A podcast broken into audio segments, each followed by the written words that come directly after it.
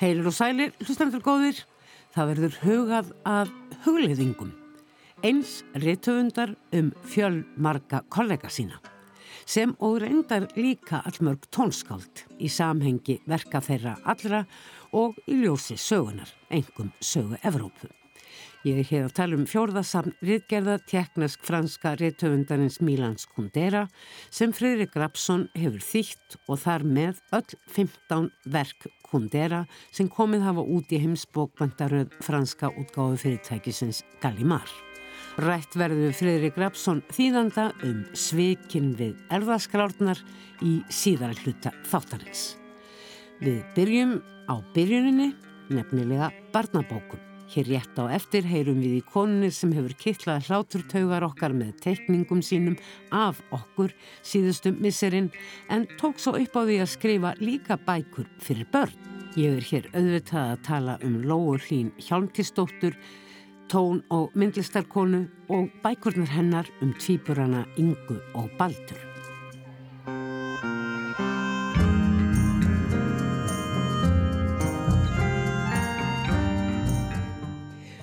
Ég er komin á vinnustofu Lóu Hlínar og hér er svo sannarlega margt að sjá.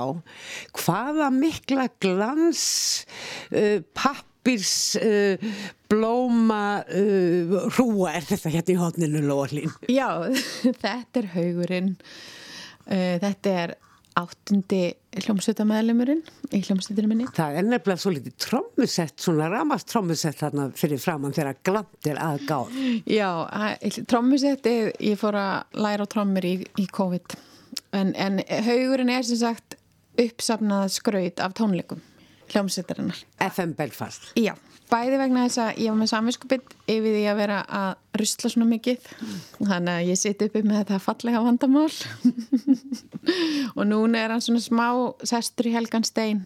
Hann leik ástand í borgarleikusinu í leikriti sem ég skrifaði og þegar allt fer til fjandans þá lekur hann út úr veggjunum heima hjá konu sem er með svona horting vandamál Við skulum ekki tala meir um það. Nei, en svo líka hann líka í hérna, ármöndaskaupinu fyrir tveimur árum. Mm. Þú nefnir hér svo margt, leikrit og ég var talað um þið sem myndlistakonu, allir þekkja tekningarna þínar og núna uh, bækurnar, skáldsögurnar sem þú hefur skrifað. Framkvæmur allar hugmyndir? Ég, já, nei, ég, ég gera það reyndar ekki en ég er náttúrulega bara, ef ég myndi setja upptöku og tæki bílinn minn þá væri þar rosalega skrít út og sleikart í gangi. Mm. að því sumur hugmyndir eiga bara engan svona áfengastað það er bara ekki til staður fyrir sumar hugmyndirnar. En þér finnst gaman að búa til finna eitthvað vaksa fram? Já, það er náttúrulega drivkrafturinn bak við þetta allt saman og svo finnst mér mjög margt góð hugmynd og þannig að til dæmis fór ég að tekna snöður og töðru hún Berglind Hestler var að vinna í, í móttökunni hjá Sölku í hérna bókautgáðan Sölku. Og ég sést þriðji teknarin fyrst var Gunnar Karlsson svo annars sendi ég að lepplar og svo kom ég inn í þetta mm. verkefni. Var Lóaboratórium þá orðið að uh, einhvers konar í, Já og ástæðan fyrir þetta heiti Lóaboratórium er af því að mér vantaði svona yfir heiti yfir allt sem ég var að gera. Þannig að þetta, að þetta var bara nafni mitt og svona tilraunastofa Lóaboratorium af því að ég vissi ekki alveg hvernig ég átt að flokka allt sem ég var að gera því að það var svona mismundi miðlar. En ég, mér langaði alltaf að gera bækur fyrir krakka. Ég er sógast að þeim hillum í, í bæði í bókasöfnum og í bókabúðum og Er það þá útlitið eða barnabækur geta stundum verið svo ólíkindarlegar, maður getur jáfnvel miklu frekar enn í fullorðinsbókum fundið eitthvað sem kemur verilega óvart. Já, þetta er svona pína eins og jólinn. Þá getur verið bara rosa kids og heimilið getur litið undala út og þá ertu einhvern veginn með meira sveigurum. Mér liði þannig í barnabókunum. En snúum okkur nú að hér að gerði og þá nú kannski ekki hægt annað heldur en að nefna líka grísafjörð. Þetta eru stórar sögur og það er hafa ákveðin svona frásagnar boga og nokkur fjöldi persóna.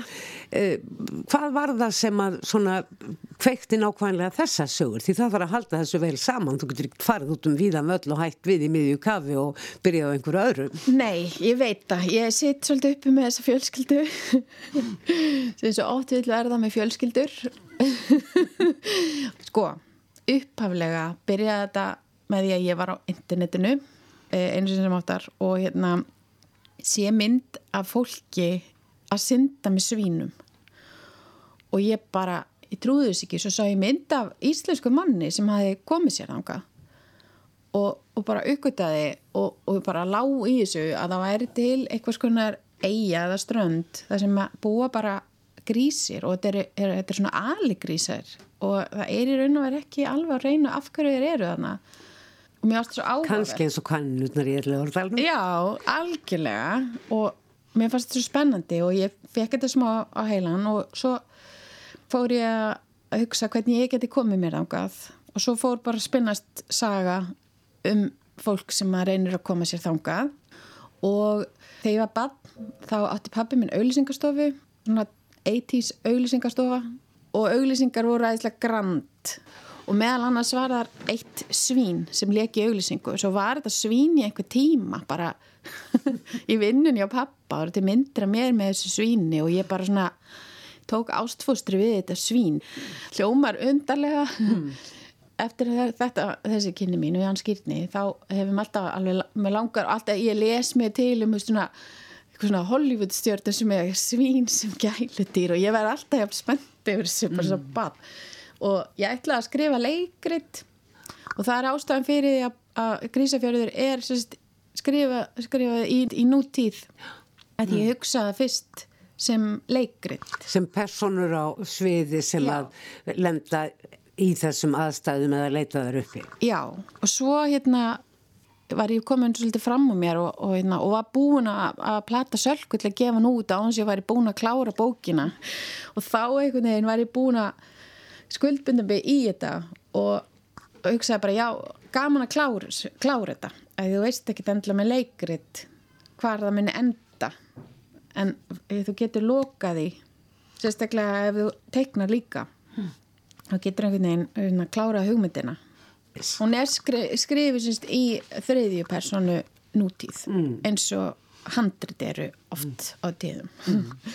Talar um þriðju personu nútíð krakkarnir eru náttúrulega í brennideppli mm.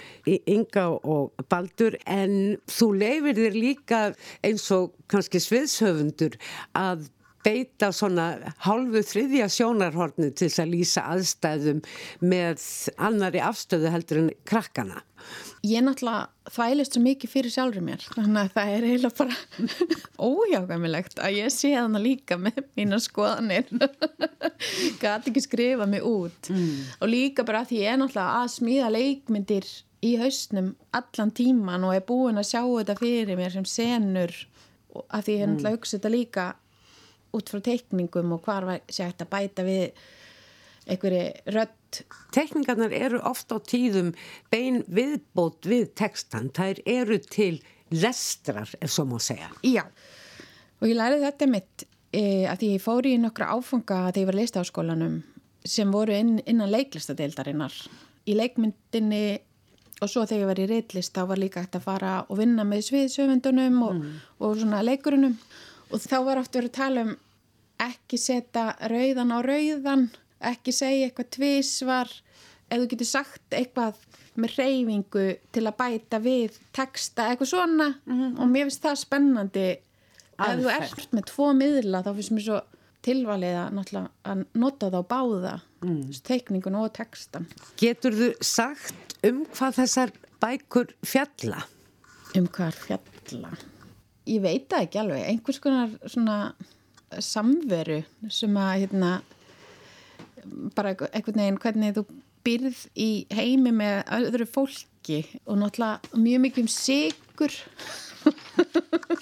Það er dálítið að varnaðar merkjum varðandi sigur Já, en svo náttúrulega líka hvað sigur er dásamlegur. Svona lofsengur og heilræði á samtíma og mikið af þessu marg, margar sögurnar eru náttúrulega bara að ég hef, hef ekki higgju að skrifa æfiði minningar. Þannig að mjög margar minningar koma inn í þetta. Þú veist eins og til dæmis blótandi mamman, það er bara beint frá mömmu minni. Já og, og eitt sko. Ég notaði eitt og ég fattaði það ekki fyrir en eftir á. Og ég fattaði raun og verið ekki fyrir en ég las gaggríni um bókina það sem var verið að tala um í einum kaplanum þá sem sagt fær ynga tækifæri til þess að vera önnur manneskja. Og hérna og ég hugsaði þetta ekkit lengra og ég hugsaði þetta ekki inn í nútíman af því að hún fær tækifæri til að heita bara allt í henni yngvar af því að hérna en þetta er sérst byggt á sögu af því þegar ég var tíu ára þá endaði ég í stóluliftin upp í bláfyllum og var einn þannig ég settist við liðin á manni og allt í hennu fatt að ég heiti Stengrimur Hermansson og, og ég er æðislega upp með mér að ég var alltaf að horfa á spaukstofuna og vissi bara og svona krakki sem horfa á frettir og eitthvað. Og svo erum við komin einhvern veginn halva leðin upp í fjalli og þá segir hann hvað heiti þú vinnur og ég er náttúrulega bara með lampusettu í skíðagalla og allt í hennu vekki bara tækifæri til þess að vera önnur manneskja og líki svona meðvirkunni bara, ó, hérna Stengrim Hermansson heldur þessi strákur. Þannig að ég er bara allt í henni heiti Siggi. Og ég er alltaf bara eitthvað drengur í stóflaliftu með Stengrim Hermanssoni En gaggrinendur hvers að líta á þetta þegar ynga varðað yngvari sem tilvísun til þess sem mikið er rætt núna að fólk fæðist ekki í réttum líkam og þurfi að gera breytingar þar á. Já og ég ætlaði raun að vera ekkert að kommenta það því að ég er bara mikla trúaði að fólk að fá að vera það sjálf saman hvað það þýðir. Og svo bara eftir að hafa verið bara hvud minn góðu hvað hef ég nú gert Mm. En, en sérst, já, ég sérst, er föstan í þessari stóluliftu með stjórnmálamanni, mm. æskuminnar og er Sigurður og það var ógæðslega gaman og frelsandi og spennandi og svo þegar ég var komin upp á toppin þá hérna var ég komið svo mikið samviskubitt að ljúa til naps mm. þannig að ég bara ætlaði ekki að skýða niður gílið en ég var svo mikið að dríja mér í burtu og svo bara ítti mér ski með skýðastöfunum og gargaða ég heit ekki Siggi, ég heiti Lóa en að besta náttúrulega var að koma tilbaka og fá kakó og hlakka svo til að segja mömmu pappa sem sögðu að ég vissi að þau myndi hafa gaman af Er það kannski svona bara drivkrafturinn mjög mikið í svo mörgu sem þú gerir að skemmta öðrum? Já, ég held það mm. Mér finnst það náttúrulega vera bara svolítið tilgangurinn með þessu öllu saman. Og ef það er ekki gaman þá náttúrulega er bara fáránlegt að vera að þessu. En svo er náttúrulega temað þarna í þessum bókum eru til dæmis ferðalög Já. og hvernig þú getur ferðast í, í grísafjörðu þá ferðast sískinn í alvörunu til þessa grísafjörðar á Bahama-eigum en síðan í héragerði þegar þú fara að heimsækja þessa ömmu sína sem er nýkom frá Nóri, flutt heim þá ferðastu líka en með öðrum hætti í gegnum sögur, frásagnir með ímyndranaraflinu Já, mér fannst ómögulegt að senda þau aftur til útlanda. Og mér fannst alveg að merkjald að fara til hveragerðis og til Noregs þegar ég var bann. Ferðast í rauninni til Japan í, í gegnum Já. Albert að, og Almu sýsturann sem eru á stöðugum ferðarlögum og nú eru þau í Japan og skrifa bref heim en líka í gegnum teknimyndasögur og ímiskonar uh, frásagnir af trúarbráðum, menningu daglegu lífi í Japan Já Mér finnst skemmtilegt að einbita mér að þessu landi og svo er náttúrulega líka bara eiga í Japan, það sem búið bara kaninur vill svo skemmtilega til. Þannig að það passaði alveg inn í þetta og svo eru við fjölskylda mín að sapna okkur fyrir japansferð. Svo hérna er hægt að gerast áskrifanda japanskum pökkum sem ég og svo honum gerði með COVID sem var svolítið skemmtilegt. Þá færðu einu sinni mánuði pakka frá Japan með einhverju japansku ruggli og það er svo gaman að fá pakka því að fólk væri ekkit alltaf pakka það er yfir bara að fá pakka frá sjálfum sér. Frá einhverju vöruhúsum hjúklandum já, já, það er panta, þú veist alveg hvað er að koma. Mikil skemmtilega að fá eitthvað sem þú veist ekki hvað er. Já, mér fannst einhvern veginn að þau geti ferðast einhvern veginn með ímyndunaraflinu. Ég þekki mjög vel inn á þetta vegna og ég man útrúlega margt frá að ég var krakki. Ég var alltaf einhver, komin einhvert og það var einhver stundum skemmtilegra heldur en að fara í raun og veru líka vegna þess að ef þú ferðast í hugunum þá getur þú breytt alls konar en að þú til dæmis ferðast til einhversi land svo heldur allt verið betra þar mm. og fattar svo að þú ert bara þú og svo eru náttúrulega manga teiknumyndasögurnar frá Japan og Já. teiknumyndasögur verða ákveðið uh, tema í bókinni Já og ég var nefnilega sko Magdalena, uh, unglingstelpan er byggð á hérna sem sagt minningu mínum af unglingstelpum. Mér fannst það er verið svo spennandi tegund. Og ég satt um svona nokkrar þeirra og fyldist með þeim og bara ótrúlegar, ótrúlegar verur. Og hérna var að reyna að hafa hana þannig og svona að gera hana svolítið dulafulla því að unglingar eru svo áhugaverðir sérstaklega þeir vil ekki hitta þig þá nein, er þeir eins og einhverju svona huldverur. Mm. og ég leti hann að heita Magdalenu að því að þegar ég var bann þá var ég með svona svakalega drauma um einhver svona nöfn. Þannig hún heitir bæði höfið að Magda Lundskram sem er kona sem ég hitt aldrei en ég þekki allar dæturinnar þekki mjög væntið um þær. Og svo er þetta svona nafn, eitt af nöfnunum sem ég finnst svo fallið því að bann að því að mér ást svo glata að heita Lóa það var svo stutt og myndi aldrei neina einhver svona rúsnesk prinsessa að heita Lóa. Mér langar eitthvað dramatíst nafn, eitthvað Anastasi eða eitthvað. Og þannig að Magdalena er í þeim hérna flokki. Þannig að þessar bækur bæði héragerði og grísafjörður þær byggja mjög mikið á á þínu lífi og, og svona já, fjölskylduðunar vinna og, og, og hópa sem þú dáðist að þú fjarlæg Já, að ég man mjög mikið svona er margt sem skiptir einhver máli. Þú veist bara áferða á einhverju mm. þannig ég var einhvern veginn að reyna að koma því til skila. Að ég er náttúrulega likla bann af Guðsnáð mm. og mamma var rosa hrifin að því að láta börnum leiðast og ég er að sammála og því alltaf þegar að sinni mínum leiðist þá býr hann alltaf til eitthvað stórkostlega sniðugt mm. og þannig að ég var rosalega oft í aðstæðum þar sem að mér leittist bara og ég þurfti að finna upp á einhverju og hérna og ég er einhvern veginn að reyna að, að skrifa út frá þeim minningum það sem eitthvað verður til og engu Ertu fljóta að skrifa? Skrifar og teknar og jöfnum höndum eða, eða þetta aðskilin ferli? Ég flakka bara svona milli. Ég var mm. rosalega erfitt með að sitja bara og einbita mér og gera eitthvað eitt, eitt. þannig að ég þarf einhvern veginn að skipta upp deginum svona eins og að sé lítil vika. Já, ég, ég fljóta að skrifa sumt en ekki allt. Mm. Og svo les ég þetta náttúrulega líka bara fyrir són minn af því að hann er náttúrulega tí ára og, og veit betur hvað er skemmtild að heyra. En mér finnst mjög gott að skrifa kabla fyrir kabla og sjá heldina og fara svo að laga hana. Svona daldið að búa til struktúrin að sínuleiti eftir á.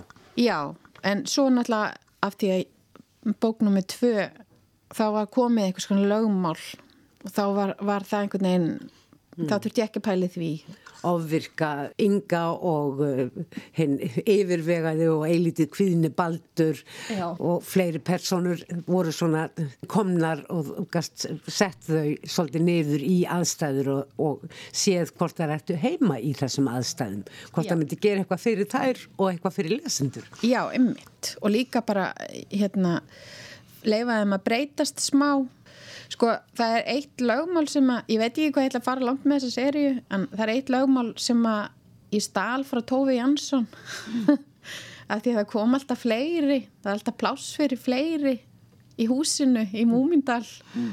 og ég tengi það mjög mikið við mína fjölskyldu.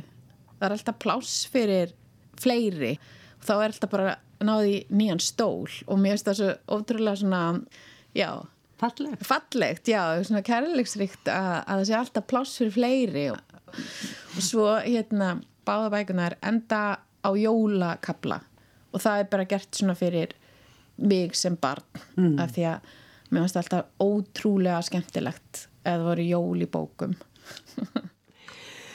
Gaman að heyra af þessu öllu saman Lóa Hlín, þetta eru brjálæðislega skemmtilega bækur og litríkar og svo er þið greinilega í mun að fá okkur foreldra, frængur, frændur, ömmur, afa til svona stundum að setja staðins niður og, og böglast við að búa eitthvað til.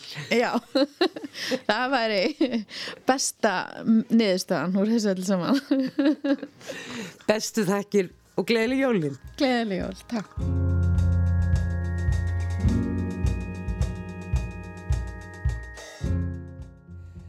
Friðrik Rapsson þýðandi til ótal ára úr franskri tungu og eins og svo ofta áður Friðrik þá ertu með bók í yfirstandandi bókaflóði jóla reyndar bækur mm. í fleirtölu annars vegar glæpasögu eftir hinn sífinsala Pierre Lemaitre Snákurinn mikli og þetta er hvað, 15-17 bókin Já, já sjötta held ég, minni mig, já En ég er nú ekki hinga komin á þinn fund til þess að eh, ræða um þá bók, heldur bók eftir höfundin sem segja má að hafi varðað þinn feril sem satt. Í, jú, það er alveg, alveg hárétt. Þetta var fyrsti höfundurinn sem þýtti eftir. Milan Kundera, við skulum nefna. Milan Kundera, já, það var uh, 1984 leikrit sem var þá sett upp hér í stúdandarleikusinu og síðan uh, tveimur ára setna óbærlega ekki tilvörnar. Hans frægasta bók líklega þó að margar hafi náð mikill í útbreiðslu og verið þýttar á tugi tungumála. Já, ég hugsa að þetta sé nú þekktasta bókir hans svona hjá almennum uh, lesanda. Uh, svona heimsvísu er reyndar brandarinn senna uh, svo sem er selst mest, skils mér. En hann að skrifa hann í Tjekklandi, er það ekki? Jú, hún kom út 1966 mm. með rétt og, og er svona svo bók sem að koma hann á kortið svona alþjóðlega. Milan Kundera hófjú rittöfundaferil sinn í heimalandinu Tjekkoslovakíu þar sem hann fættist árið 1929 í borginu Brunn. En svo flestur ungir menn í svo kölluðum sovjetlýðveldum gekk kundera ungur í kommunistaflokkin þess fullvis að þar var í stemtað jafnrétti, frelsu og bræðralægi fyrir alla þegna samfélagsins. En eins og svo margir mátt hann komast á raunum að aðrir hagsmunur máttu sín betur. Og hann var ekki nema liðlega tvítur þegar hann var rekin og floknum sem tafðan ögn í náminu í kvikmyndafræðum og handreitskerð. Þótt flokkurinn kemur svo harkalega fram við hann og reyndar fleiri gerða hann sér farum að leita sátta og haga gaggrinni sinni í samhljómi við kenningar kommunismans. Kundera var sér þó liklega vel meðvitaður um þennan ungeðislega tvískinungsinn og hefur aldrei viljað leifa þýðingar og verkum sínum frá þessum tíma. Kundera var í framvarðasveit Prag vorsins 1968 eins og margir kollega hans Ömuleg endalók þessara tilröna til breytinga í landunni í átti líðræðis leiti hins vegar til þess að þegar Kundera var búið að kenna við háskólan í Renn í Fraklandi ákvaðan að snúa ekki aftur heim heldur setja staði í Fraklandi þar sem hann hefur búið allar götur síðan og skrifað ótal bækur. Þá hefur hann reglulega kent við den virta hugvísindaháskóla École des Hautes Etudes en Sciences Sociales í Paris og sendt frá sér einn fjögur greinasöfn þar sem hann hispuslaust en af nákvæmni fjallar um list skáldsögunar, eðli hennar og sögu sem og skáldskapar yfkun jamt sem tólkun. Og nú hefur Fridrik Rapsson sem sagt með nýjustu þýðingu sinni bætt enn einni kundirarósinni í nappagatið og vendanlega þeirri síðustu. Ég held að verkans eh, er komið eh, þar að þau verk sem hann eh, gengst við og komi út í fransku heimsbókundaröðinni La Pléiade. Það er svona hans höfundarverk sem hann sem sagt Eh, er ánað með og vill að lifi inn í því eru ekki eh, bernskubreg og ljóðabækur og heit og þetta og svona tækifæri skreina sem að honum finnst nú ekki hluti af sínum skaldverki. Svikin við erða skrárnar í flertölum Þetta er annað rittgerðarsafnin sem hann sendir frá sér og það kemur upphálega út hvaða 93? Já, Já. áður hann sendt frá sér listskálsuna kom 86 mm síðan þessi 93 uh, sem að er sem sagt, um tónlist, heimsbyggi og uh, skaldskap mm. og síðan er, er tværi viðbót kynni og tjöldin. Það sem hann er einmitt að velta fyrir sér uh, sérstaklega skáldsögunni en ekkert síður bara menningu Evrópu og ekki síst í, í sögulegu ljósi því hann gerir svona ákveðna tilraun til þess að skýra, uh, skoða, hugleiða og setja fram ákveðna kenningar um þróun lista, ekki bara skáldsögunar, heldur líka eins tónlistar. Og hann kemur líka inn á myndlist og það sé minna mæli. Og hvernig skáldsagan breyttist. Þetta er eitthvað hvað í nýju hlutum ef ég maður rétt. Fyrsti hlutin fjallar um eh, að segja má innreið húmorsins og þetta mikilvæga enkenni skáldsögunar sem eru ólíkindin og hann staðæfur sko skáldsagan er aldrei við, vilhöll hún er alltaf með öll sjónarhorn opinn og hann vil skipta í fyrri og síðari háluleik þessir er þróuna sögu tónsköpunar annars vegar og, og skáldskapar uh, hins vegar en þessir háluleikir þeir falla ekki saman Já, mér sem tímaskjum eftir listgreinum. Eh, það er kannski það sem að mér fannst áhugavert þegar ég las þessa bók fyrst og síðan náttúrulega svona styrtist en þá við að, að þýða hana og fást við hana og svona sökka mér ofin í hana. Þá, þá er einmitt uh, samhingið í uh, listum er oft uh, splokkað eftir það að tala um tónlistasöguna, bókmyndasöguna, myndlistasöguna og svo frammeins.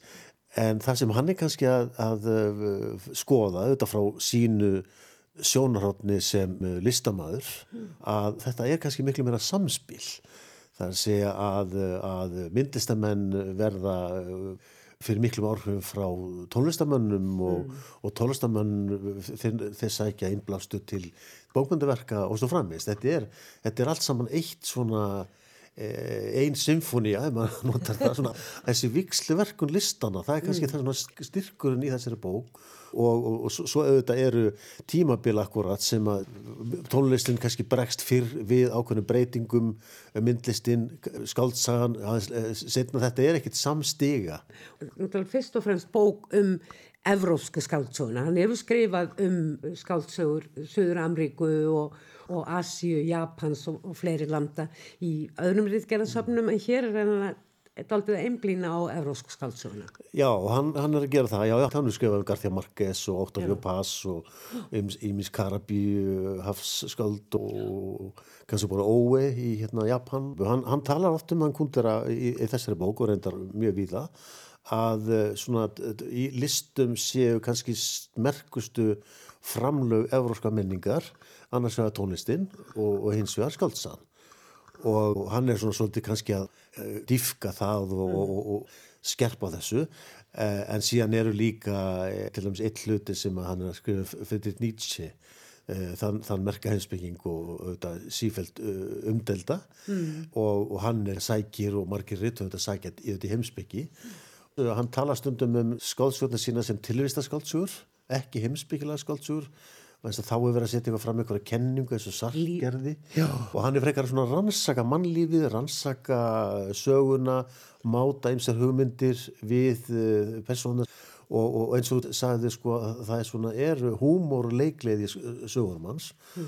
og, og það er nú sennilega eina af helstu skýringunum á því hversu gríðalög vinsaldum hann hefur náði gennum tíðina. Mm. Hann talar um að húmor er uh, eitthvað sem er uh, uppfinning og, og er einn af líkil þáttunum í listum, sérstaklega skaldsjöni Húmórin var til við þessari merkingu á 16. öld með Rabelais, Don Quixote líka náttúrulega og eitthvað sem verður til eh, getur líka horfið. Og eh, ég held að við getum verið saman á það að, að húmóslós eh, heimur er nú ansi fátaglegur og, og svona já, snöður Hann segir beinlinis og þar skilur skáltsagan sig í rauninni kannski frá öllu öðru, allavega en í skrifuðu máli, að síðabóðskapur eigi ekki heima í skáltsögum. Já, já, einn af áherslu punktunum er að frelsið er algjört mm. í uh, skáltsögum. Hann tekur söngvað Satans sem uh, dæmið það sem er náttúrulega Stórkostlegt verk. Já og, það er einmitt Salmarosti að vinna úr þessari hefð, akkurat húmórin og leikurinn og frásanagliðin. Mm. Ólíkindin. Og það er þetta frelsi sem að, sem að þeir báðir og margir fleiri auðvitað, mm. stærstu höfunda samtímans og allra tíma auðvitað bara áskilja sér rétt, bara listrand frelsi. Mm sem að enginn á að setja skorður. Hann er náttúrulega sjálfur kundera maður sem er vaksinn úr uh, allræðis samfélagi kommunismans mm. og veit hvað rýtskoðun er mm. á, á, á svona allræðis hugsun mm. þar á meðal í listum þetta þekkjum við uh, því miður eh, í, í gegnum söguna jável hér, ég meina Jónas á Riblu hann, hann var að reyna að rýtskoða myndlist og jável mm. bækur og svo framins mm. á Íslandi þetta frelsi listum og umbyrlendi sem að er kjarnin kannski í eðli skáldsögunar er eitthvað sem við þurfum að rækta og er ekki sjálfgefið og það er kannski eitt af brínustu erendum hans til okkar núna í, í samtímanuna. Það eru ymsa blíkur lofti, finnst mér, jafnvel á Vesturlandum. Sko.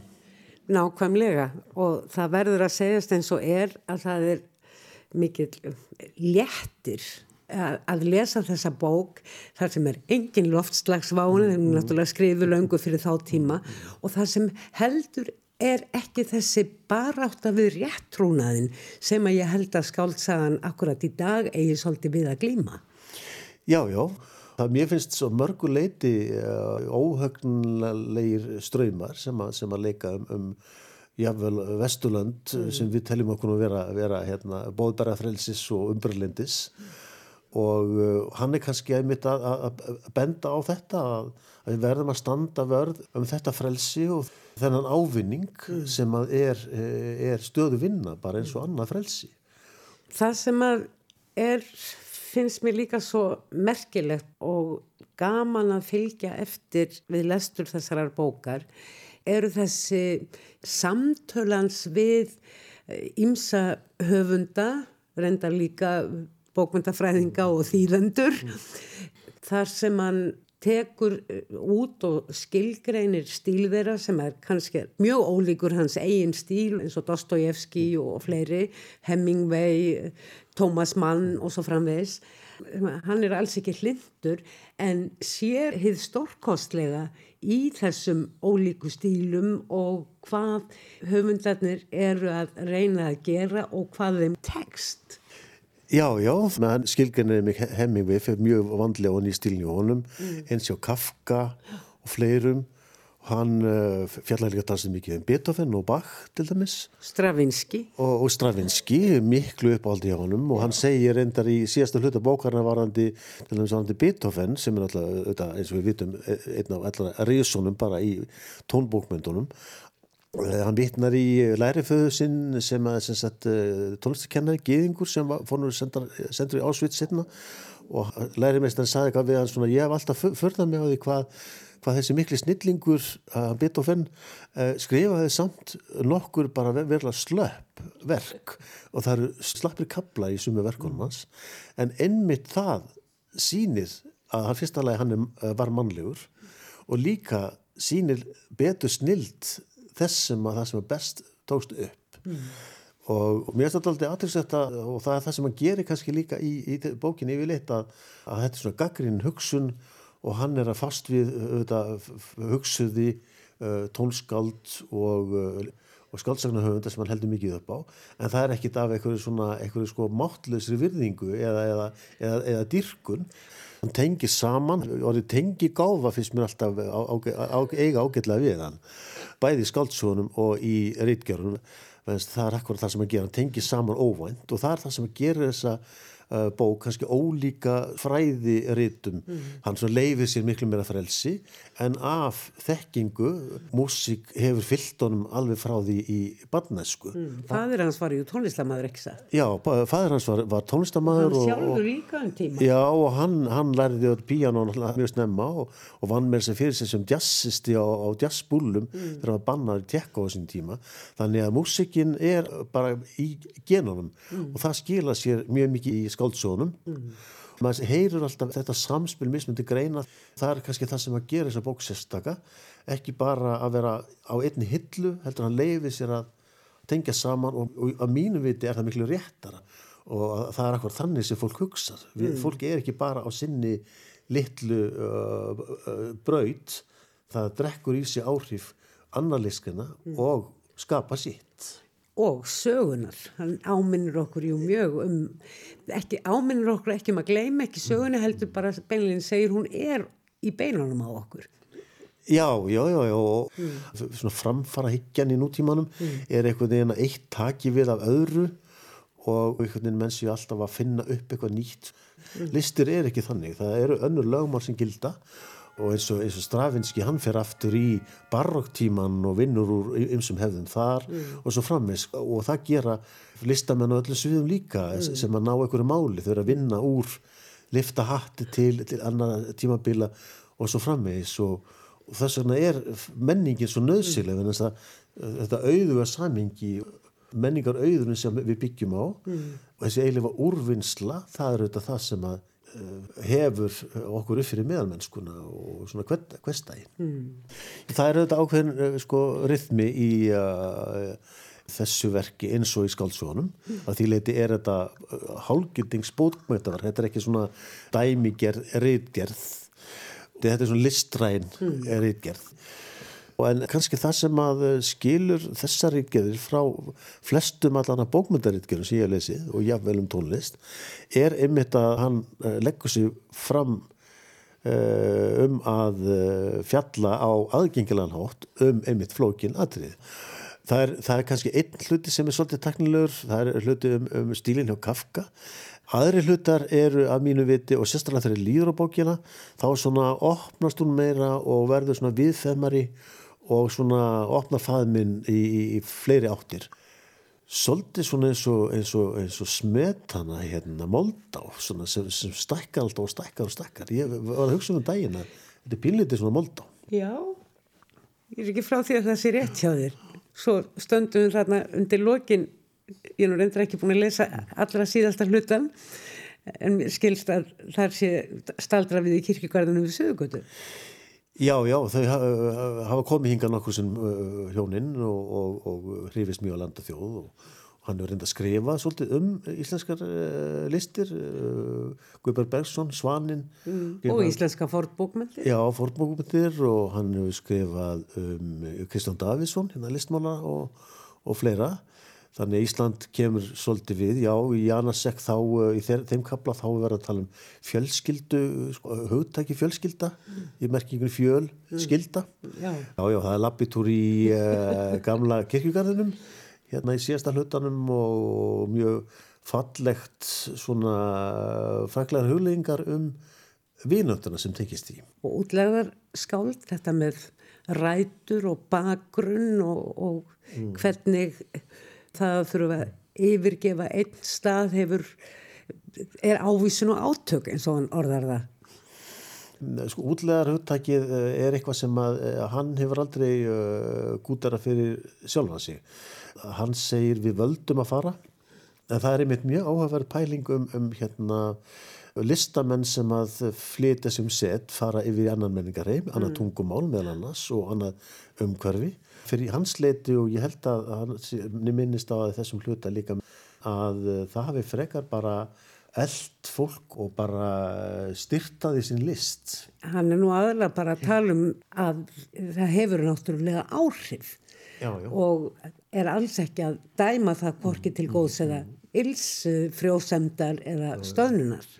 En það sem náttúrulega vekur aðdegli árið 2022 að ég held að mér sjóðu þetta að segja að það er ekki nafn á einum einasta reytöfundi sem er kona í þessar bók. Já, ég uh, þurfti nú eiginlega bara að lesa hann aftur að pæli því.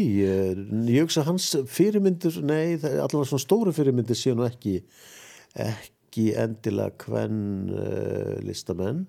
Það voru reyndar ekki gríðarlega margar en er, á þessum tímaskeiðum eru samt konur sem að vöktu aðtegli eins og Virginia Woolf, svona, svo dæmis ég tekið. Já, já, en hún hefur greið ekkert haft ár, mikil áhrif á, á hann sem, sem listamann og uh, en það breytir því ekki að hann hefur uh, sko skrifað um bækur hverna í Fraklandi og, og bakkað mm. upp um, ymsu höfunda og, og ég veit það alveg greitt götu mar margra reytöfunda inn í uh, menningar samfélagið, mm. bæði frá miðáröpu og eins bara í Fraklandi komaða framfæri og síðan þetta eru hans stærstu og merkilegustu personur í skáldsónum, sterkar konur Sabina í letleikanum og, og Tamina til dæmis í bókinum Hlátur og glemsku mm. þetta eru miklu, miklu sterkari og flottari karakteri heldur en strákaninn sko það er stundum svona eitthvað umlaðum að hann sé já, hvern person að sé eitthvað slappar ég er algjörlega ósamáð því. Mm. það eru nokkra halgerður og sveimi í, í, í bókunum hans. Segjum það. Uh, Milan Kundera er að minnstakosti afar fylgin sér og staðuráðin í að komast til einhvers konar bort í þeim spurningum sem hann er að stilla upp uh, einhverjum og sérlegi gagvart sögunni og sjálfum sér. Já, ég lít svolítið á svona áskorun til okkar. Hann er auðvitað komin að efri ára, hann er komin yfir nýrætt og svo búin að ljúka sínu æfistarfi en allan langað til þess að þýða þessa bók venna þess að, að, að ég held að það sé bara gott fyrir bæði lesendur hans og, og eins uh, finnst mér þetta bók sem að eigi uh, geti náð og vakið áhuga bara menningar áhuga fólks yfir leitt. Og ekki síst tónlistafólks, listamanna á öllum sviðum og bara list unnenda yfir leitt. Og svona áskorun. Hérna standið ykkur stöndum vörðum um hérna listina og, og þau frelsið og húmórin. Já frelsið og húmórin og svona bara verið stolt af menningun okkar og þróum hana áfram á þessu glæsilega grunni. Gefumst ekki upp fyrir einhverju meðalmennsku og, og kreddum Nákvæmlega, þetta er bók sem að gott er að eiga í hillinu til þess að taka fram og sökva sér ofani og það er eiginlega þetta að grípa ofni hana hvar sem er. Og sko, hún er að vissuleiti byggðu upp sem uh, skáldverk. En, en, en það er alveg, alveg rétt, það er að lesa, lesa hvern hlut að vera sig, grípa í ef að fólk er sérstaklega áhuga fólk um tónlist, lesum Stravinski og Janarsek engöngu og svo hitt og svo framist það er engin, enga reglur um það. Sko, það er frelsi í þessu eins og, eins og öðru og svo uh, fá þýðendur það nú ekki hann fennu ekki alltaf mjúkum höndum um þá? Nei, nei, það, það er að sama. Hann, hann er að segja standið ykkur. Þið eru mikilvæg en þetta er mikilvægt hlutverk en uh, samvissu sem þekkiði vandið ykkur. Og Freyri Grafsson þú hefur svo sannlega staðiði í að koma Milan Kundera á kortið á Íslandi og gefa okkur allar þessar þýðingar á hans frábæri bókum. Bestu þakkir, Fridrik. Takk svo bleis. Fleiri verða orðum bækur ekki að þessu sinni. Tæknimaður þessa þáttar var Martin Martinsson. Takk fyrir að hlusta. Verði sæl.